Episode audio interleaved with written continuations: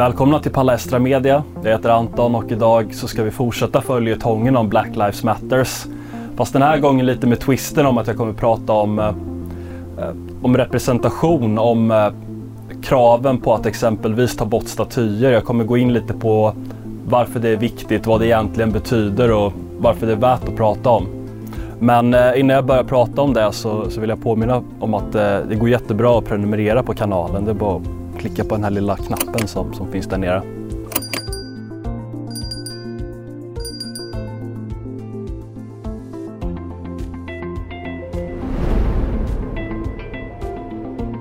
Alltså, det är ju så här att Black Lives Matters började ju om, som någon form av, av proteströrelse i, i USA mot, eh, mot polisbrutalitet. Eller det var åtminstone så det, det framades.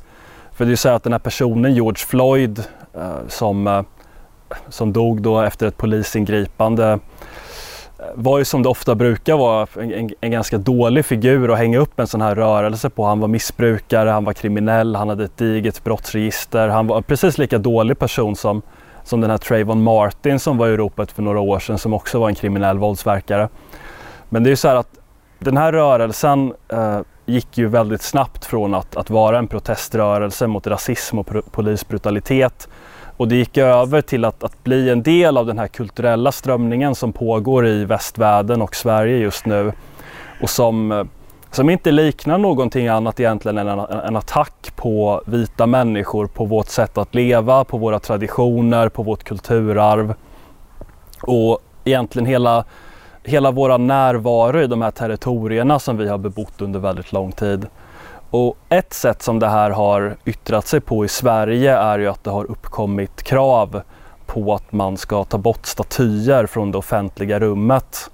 Och det, har ju, det är inget nytt egentligen utan det är någonting som vänsterpolitiker har, har kört med under, under många års tid nu. Jag vet ju att det finns två profilerade Stockholmspolitiker som varit aktiva i Miljöpartiet som heter Walter Mutt och Annika Lillemets som gång på gång har försökt få bort Karl XII-statyn från Kungsträdgården utan att lyckas med, med argumentet att han var en krigarkung och en hemsk person och några sådana där människor får inte, får inte representera i det offentliga rummet.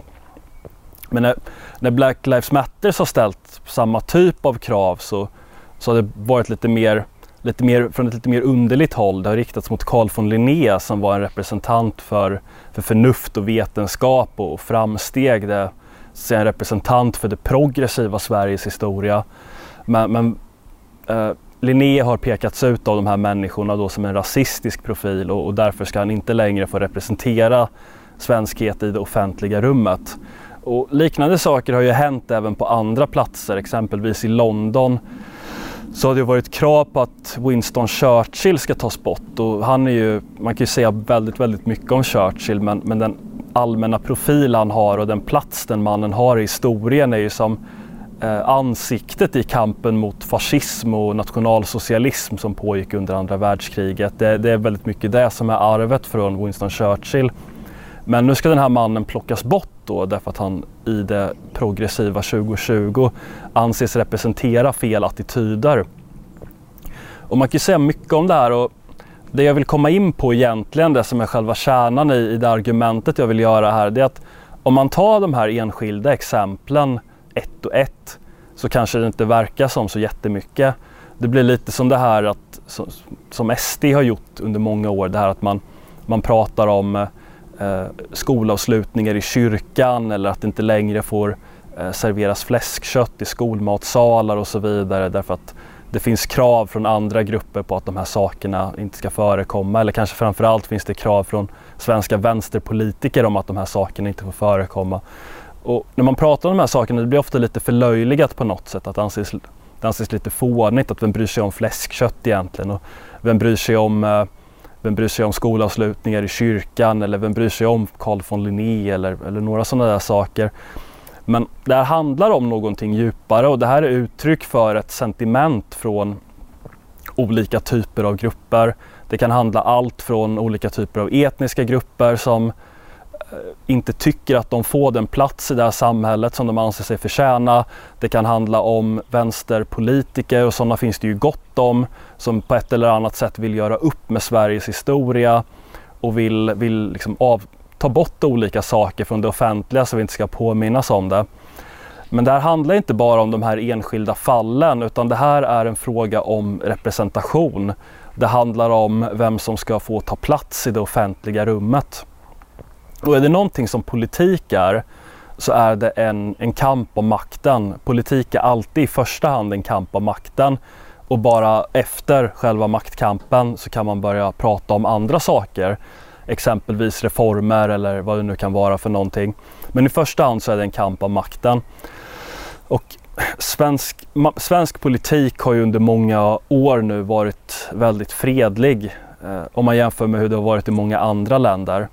Man har ju pratat om något sorts, eh, Herbert Tingsten pratade om från, från idéer till idyll, att, att de här stora politiska ideologierna med, med stora anspråk försvinner och politiken kommer istället hamna, handla om eh, hur man ska administrera en välfärdsstat eller skattefrågor eller sådana där ganska, ganska harmlösa saker. Men nu har vi ett annat läge på grund av att politikerna har, har infört mångkultur i det här landet och vi har numera massvis med olika grupper och konstellationer som tävlar om makten på ett sätt eller annat och som inte upplever att de får den plats som de vill ha i det offentliga rummet. Jag tycker ett väldigt bra ett, ett väldigt bra exempel att göra ett nedslag på är den här Expressen skribenten Bilan Osman som är en väldigt eh, talför och eh, ofta återkommande representant för den här typen av krav och hon pekar då ut Sverige som svenskhetens, eller förlåt, vithetens högborg.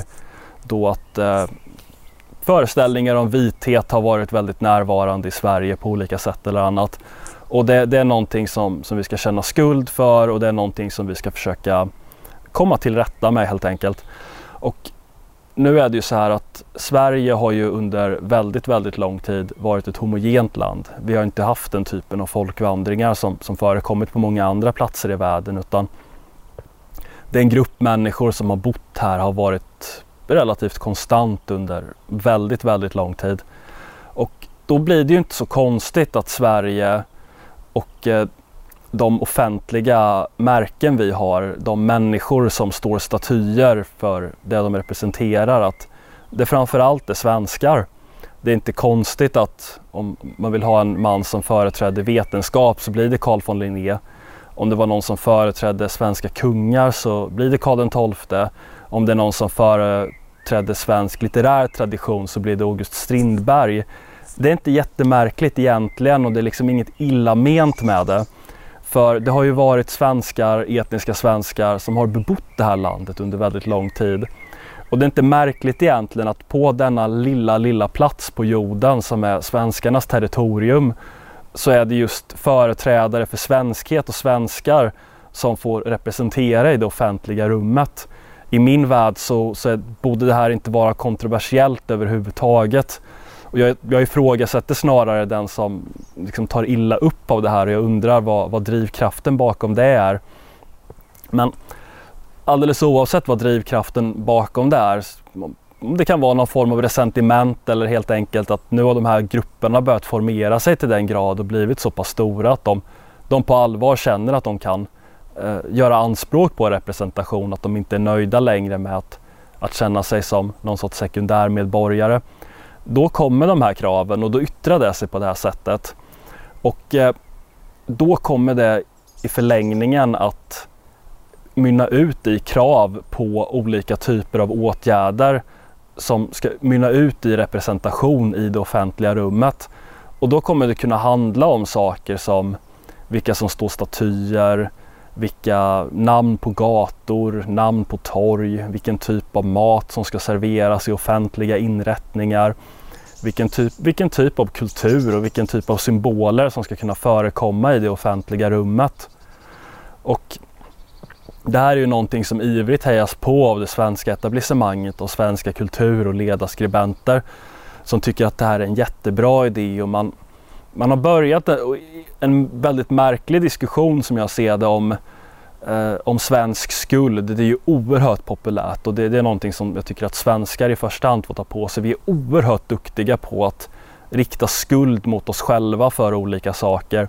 Och vi är väldigt, väldigt duktiga på att låta andra grupper med politiska agendor använda det här mot oss som en form av moralisk utpressning egentligen för att kunna få igenom sina krav.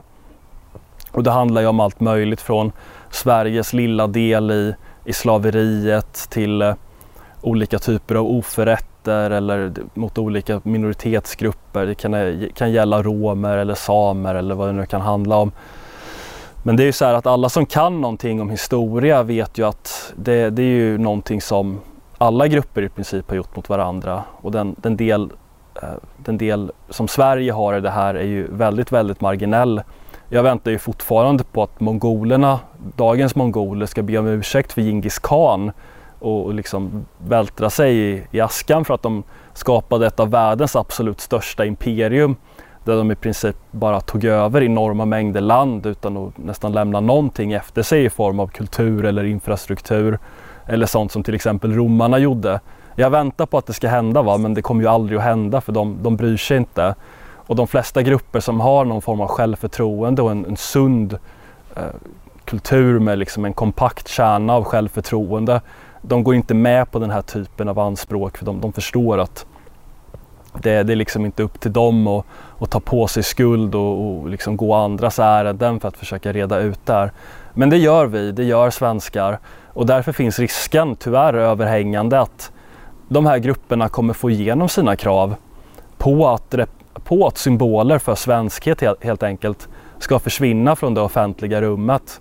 Och ibland dyker det upp lite sådana här kommentarer av olika slag att men varför skulle någon kunna ha någonting emot Black Lives Matters eller varför skulle någon kunna ha någon, någonting emot den här typen av rörelser överhuvudtaget. Det är ju bara, det är bara krav på social rättvisa och sånt där. Och om man går ut och tittar på konventionella opinionsbildare och kändisar och representanter för svensk offentlighet så är det ju idel svarta rutor och sympati för, för den här rörelsen och sådär.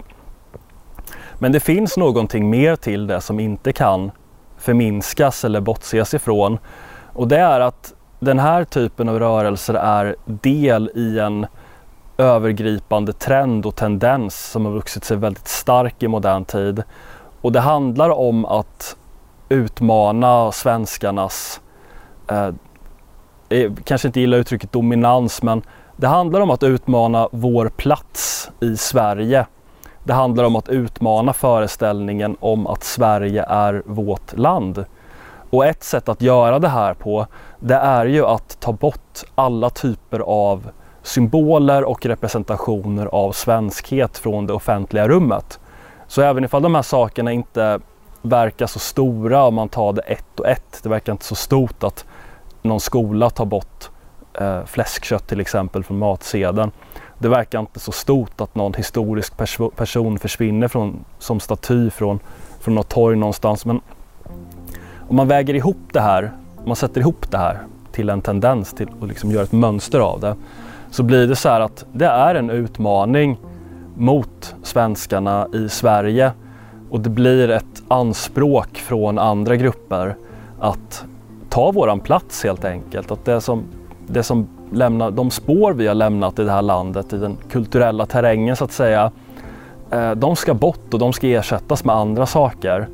Och det är därför man måste börja ta de här sakerna på allvar och, och inse faran i den här typen av rörelser. Och eh, det, det är det jag vill komma till i den här videon. Jag vill tacka så mycket för att ni lyssnade på det här. Om ni vill se mer så kommer det garanterat mer material från mig och Jonas snart. Om ni är intresserade av att stödja vårt arbete så toss a coin to your witcher så finns det ett, ett swishnummer ovan. Och eh, tack så mycket för att ni lyssnade.